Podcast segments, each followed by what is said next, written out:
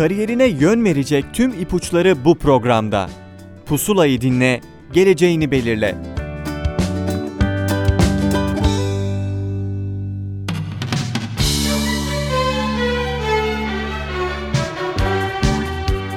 Merhaba sevgili dinleyenler, ben Adem Demirelli. Pusula'dan tüm dinleyicilerimize merhaba. Yaşar Üniversitesi bölümlerini tanıdığımız ve bölüm başkanlarının konuk olduğu programımızda bu hafta bize rehberlik edecek olan akademisyen konuğumuz, Yaşar Üniversitesi Makine Mühendisliği Bölüm Başkanı Doçent Doktor Sayın Nurdan Yıldırım Özcan. Hocam öncelikle hoş geldiniz. Hoş buldum. Çok teşekkürler. Merhabalar. Nasılsınız hocam? Çok sağ olun. Sizler de iyisiniz. Ben de çok iyiyim hocam. Çok teşekkür ederiz öncelikle programımıza bizi kırmayıp konuk olduğunuz için. Ee, isterseniz hemen sizi tanımakla başlayalım programa. Kendinizden bahseder misiniz? Tabii ki. Öncelikle teşekkür ederim davetiniz için. 1999 yılında 9 Eylül Makine Mühendisliğinden lisanstan mezun oldum. Daha sonra eğitim hayatıma İzmir Yüksek Teknoloji Enstitüsü'nde yüksek lisans ve doktora eğitimime devam ettim. Ee, yüksek lisans eğitim sırasında 2002 yılında İzlanda'daki e, jeotermal e, eğitim programına katıldım. 6 aylık bir programdı. Daha sonra doktora eğitimi programı e, sırasında da 2004-2005 yılları arasında Belçika Brüksel'deki Von Karman Enstitüsü'ndeki akışkanlar dinamiği alanındaki bir diploma kursuna katıldım. 2014 yılından beri Yaşar Üniversitesi bünyesindeyim. Gayet mutlu bir şekilde çalışıyoruz. Çalışma alanlarıma değinecek olursak genelde termodinamik, enerji verimliliği yönetimi, iklimlendirme sistemleri, yenilenebilir enerji kaynakları dediğim gibi öncelikli jeotermal enerji olmak üzere bunlarla ilgili çalışmalarımıza devam ediyoruz ve iki çocuk annesiyim. Hocam aslında bu programın e, temel amacı bildiğimiz üzere bölümleri en yetkili ağızlardan dinlemek. E, bu yüzden şunu sormak istiyorum size. Makine mühendisliğinin amaçları nelerdir? Evet biliyorsunuz üniversitemizde de yeni kurulan makine mühendisliğinin temel amaçlarına baktığımızda evrensel alanda eğitim ve öğretim faaliyetlerini yürütmek istiyoruz. Biz sorgulayıcı, araştırıcı, girişimci, kültürel e, donanıma sahip makine mühendisleri yetiştirmek istiyoruz. Dolayısıyla makine mühendisliği problemleri başta olmak üzere diğer farklı mühendislik problemleri için çağdaş çözümler geliştirme becerisini öğrencilerimize katmak istiyoruz. Türkçe ve İngilizce etkili iletişim e, becerileri tabii ki bizim de olmazsa olmazlarımız en önemli amaçlarımızdan. Yani öğrencilerimizin kendini geliştirmeyi ve sürekli iyileşmeyi ilke edinmesi, mesleki ve etik değerlere saygılı, çevre bilincine ve sürdürülebilir kalkınma anlayışına sahip makine mühendislerini yetiştirmek bizim eğitimsel anlamda en temel amaçlarımız. Akademik anlamda da e, nitelikli bilimsel araştırma yapma kapasitemizi artırmak istiyoruz bölümümüz olarak. Toplumsal olarak bakacak olursak da bilgi ve teknoloji üretmek, uygulamak ve paylaşmak böylece ulusal ve uluslararası geliş, e, gelişmeye katkı sağlamak bizim en önemli amaçlarımızdan bazıları diyebiliriz. Hocam aslında hepimizin bildiği üzere e, her bölüm her kişiye hitap etmiyor aslında. Kişi öncelikle kendisinin tanıması gerekiyor bir bölümü tercih ederken ve aynı zamanda bölümü de tanıması gerekiyor. E, şimdiki soracağım soru bundan kaynaklanan bir soru aslında. E, öğrenciler neden bu bölümü tercih etmeli? Niçin makine mühendisi olmalı aday öğrenciler sizce? Çok güzel bir soru. Evet e, gerçekten aslında meslek bizim hayatımıza son derece önemli. Çünkü e, biliyorsunuz bundan sonraki hayatımızı büyük bir zamanını e, birlikte geçirdiğimiz bir faaliyetimiz oluyor mesleklerimiz. O yüzden sevdiğimiz mesleği yapmak bizim için son derece önemli. Makine mühendisliği özeline bakacak olursak aslında diğer mühendisliklerin tamamında olan bir genel özellik evet mühendis dediğimizde bir kere kişi problem çözmeye yatkın olmalı. Biraz meraklı ve sorgulayıcı bir yapıya sahip olması gerekir. Etrafındaki olayları olduğu gibi kabul etmemeli. Bunun daha iyisi nasıl olabilir diye bir düşünce içerisinde olması gerekir. Yani problem çözmeye yatkınlık demekte aslında iyi bir matematik ve fizik altyapısının olması mühendislikte özellikle de makine mühendisliğinde önemli özelliklerden birisi.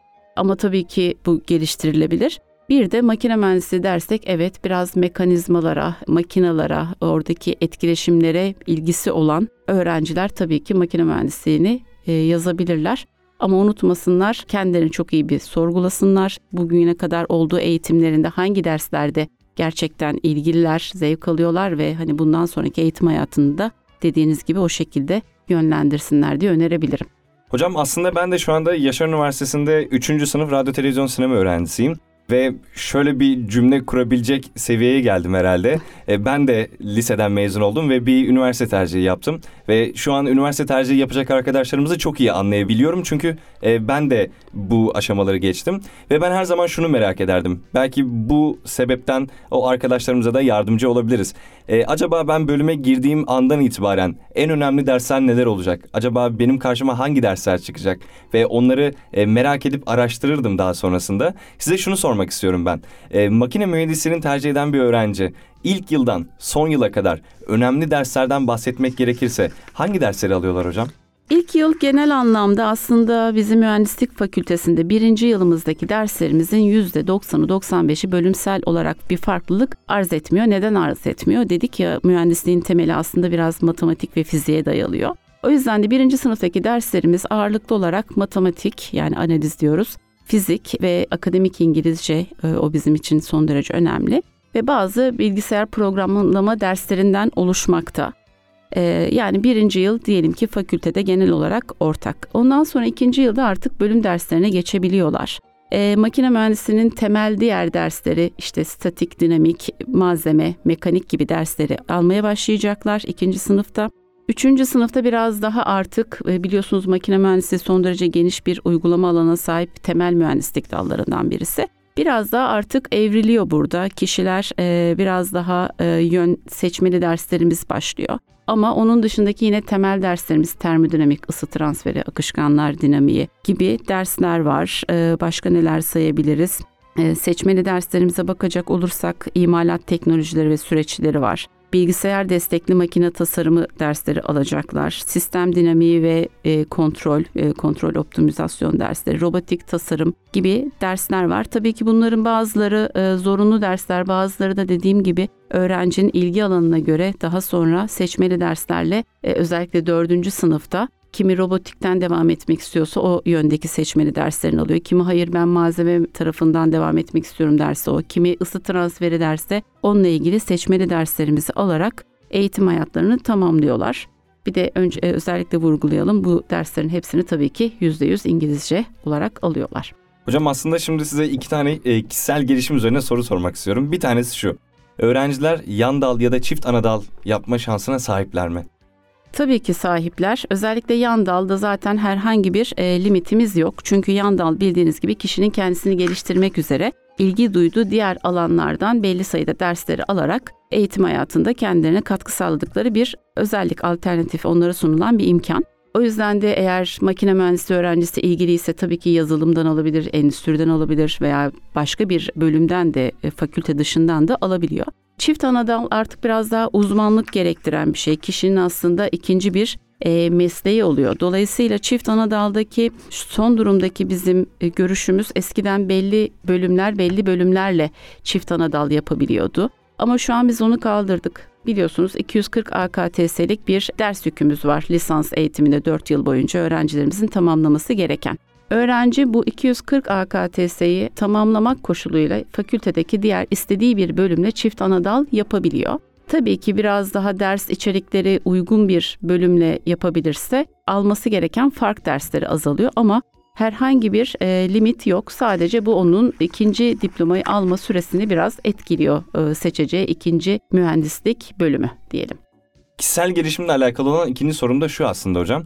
Konuşmamızın başında şundan bahsettiniz. Akademik İngilizcenin aslında önemli olduğunu ve az önce de bölümün %100 İngilizce olduğundan dolayı derslerin hepsinin İngilizce verildiğini ve buradan şunu anlayabiliyoruz ki buradaki e, öğrenci arkadaşlarımızın hepsi işte e, dünyada farklı ülkelerde farklı insanlarla iletişime geçebilecek düzeyde insanlar. Yurt dışı eğitim olanakları neler hocam bölümün? Evet eğitim hani başta da amaçlarımızdan bahsettiğimde Türkçe ve İngilizce rahatlıkla iletişim iletişim kurabilen mühendisler yetiştirmek bizim en temel amaçlarımızdan biriydi. Biliyorsunuz İngilizce de artık evrensel bir dil oldu. Neredeyse bilimin dili oldu. Dolayısıyla öğrencilerimiz evet değişik hem hazırlık sınıfında ciddi bir şekilde İngilizce eğitim alıyorlar. Daha sonra dediğim gibi birinci sınıfta hatta son sınıfta e, mezun olmadan önce akademik iletişim becerilerini geliştirmek üzere bir e, ilave ders daha ekledik biz.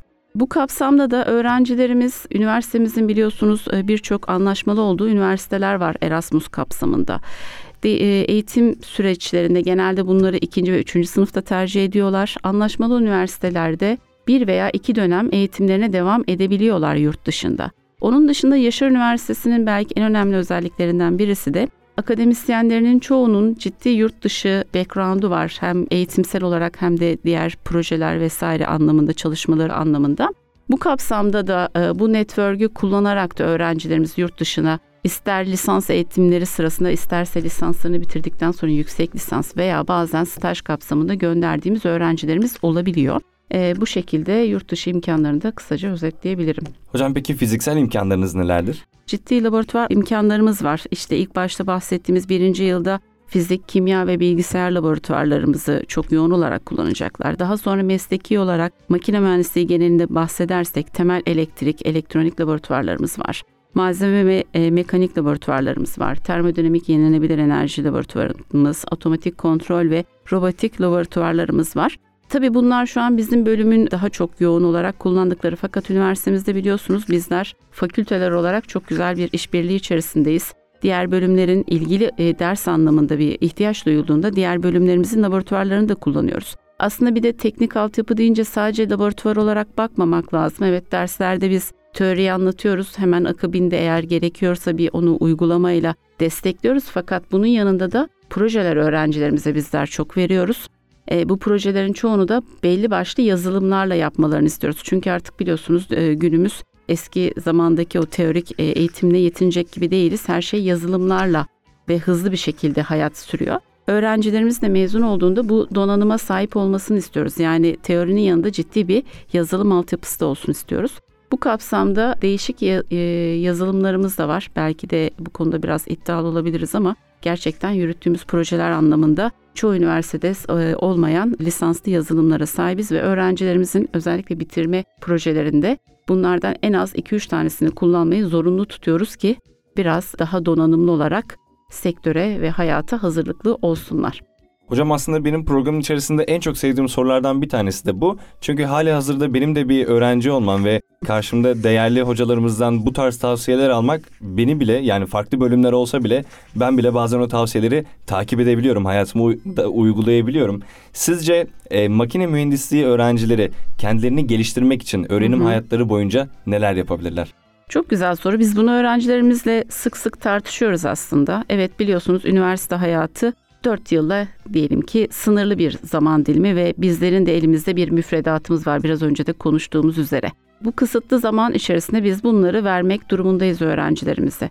Ama aslında biz öğrencilerimize bir el veriyoruz, yol gösteriyoruz. Dolayısıyla derslerde anlatılanlarla biz hep şunu söylüyoruz. Asla yetinmeyin. Evet biz belki size bir yazılım anlatabiliyoruz, gösterebiliyoruz veya onun uygulamasını yaptırabiliyoruz ama bu konuda mesleklerinde, sektörde en çok yaygın kullanılan yazılımlar Diğer alternatifleri de mesela inceleyip bunlar hakkında kendilerini geliştirebilirler. %100 İngilizce dedik ama artık hiçbir zaman evet İngilizce önemli ama tek bir dil yetmiyor. İkinci bir yabancı dili kendilerine e, hedef olarak belirleyebilirler. Daha sonra en belki de en önemlisi e, mühendis dediğimiz kişi meraklı olmalı, dinamik olmalı, heyecanlı olmalı. Bir kere bu heyecanı ve bu dinamiği asla kaybetmemeliler diye düşünüyoruz o sorgulayıcı bakış acaba ben daha fazla ne yapabilirim bunu sürekli kendilerine sormaları gerekiyor. Etkinliklere çok çok katılmalarını öneriyoruz ki biz bunu genelde destekliyoruz. Civarımızda olan mesleki etkinlikleri öğrencilerimizi götürüyoruz. E, burada fuarlara katılabilirler. Buradaki kongreler, seminerlere katılarak, bazı sertifika programlarına katılarak kendilerini geliştirebilirler. Stajlarda belki evet bizde bir dönem stajımız zorunlu ama diğer yazlarında boş geçirmeyip başka firmalarda staj yapıp hem e, mesleki anlamda kendilerini geliştirirler hem network biliyorsunuz bağlantılar da son derece önemli. Bu konuda kendilerini geliştirebilirler. Şimdi öğrencilerimiz bana şu konuda hep şey söyleyecekler. Hep akademik konuştunuz. E sonuçta insanız. Bir insanın da sosyal yönü var. Tüm bunları yaparken de bunu unutmamaları gerekiyor. Çünkü insani ilişkiler de son derece önemli. Bu yüzden sosyal olmaları gerekiyor. Hobilerine de e, zaman zaman e, tabii ki e, vakit ayırmaları gerekiyor. Kulüpler belki bu konuda onlara yardımcı olabilir. Biz hep şuna inanıyoruz. İnsan mutlu olduğunda en çok verimi orada elde edebiliriz. Verimli ve üretken olabilirler. Bu yüzden sadece akademik düşünmemeliler, sadece sosyal düşünmemeliler. İkisinin güzel bir kombinasyonuyla eğitimlerine devam etmeliler. Bu süreci o şekilde geçirmelerini tavsiye ederiz. Hocam artık sorularımızın sonuna geldik. Şimdiki soracağım soru son sorumuz oluyor size şunu sormak istiyorum. Aslında en başta söylediğiniz fakat E, makine mühendisliği aslında geniş bir alana hitap ediyor ve bu yüzden mezun olduktan sonra öğrencilerin hangi alanlarda çalışabileceğini belki birkaç cümleyle özetlemek zor olabilir. E, fakat e, mezun olduktan sonra öğrenci arkadaşlarımız nerelerde çalışabilirler? Dediğim gibi makine mühendisliği en temel mühendislik dallarından birisi ve hayatımızın da bu yüzden merkezinde aslında. E, neden böyle bir şey söylüyorum? Günlük hayatımızda baktığımızda kullandığımız birçok cihaz aslında birçok da belki de iddialı olacak ama hemen hemen her cihazın arkasında bir makine mühendisliğinin muhakkak bir eli vardır. Neden vardır? İşte burada oturduğumuz sandalyeden bile bahsedebiliriz. Bu sandalyenin üretiminde bir tesis gerekli ve o tesisinde bu sandalyeyi ortaya koymak için de makineler veya sistemler gerekli. Dolayısıyla makine mühendisliği dediğimizde evet hayatın her alanında kullandığımız her şeyin arkasında var dedik. Belli başlı ana bilim dalları da var. Onlara bakacak olursak e, bu öğrenciler nerelerde çalışabilir? Mesela imalat sektöründe çalışabilirler. Enerji alanında çalışabilirler. Havacılık veya iklimlendirme sistemlerinde geliştirilmesinde, tasarımında çalışabilirler. Malzeme özellikli, ARGE, otomotiv, robotik e, veya diğer tasarım gibi uzmanlık alanlarına sahip olan birçok e, alanda çalışabilirler. Hem e, bu konuda özel sektörde çalışabilirler, devlet kamu sektöründe çalışabilirler, kendi firmalarını kurabilirler, danışmanlık yapabilirler. Üretimin her bir sürecinde üretimin iyileştirilmesi veya o sistemlerin geliştirilmesi, yeni bir sistemin daha iyisini nasıl yapılabileceğinin tasarlanması alanımız çok geniş. Kendilerini geliştirdiklerinde e, geliştirdikleri sürece ve daima bir nebze fark yarattıkları sürece bence mezun olduktan sonra düşünmelerine, endişe etmelerine çok gerek olduğunu düşünmüyorum. Hocam pusulanın sonuna geldik burada. Katılımınız için çok teşekkür ederim. Ben çok teşekkür ederim. İyi günler, iyi çalışmalar. Değerli dinleyenler pusulanın sonuna geldik. Haftaya başka bir bölümde görüşmek üzere. Hoşçakalın.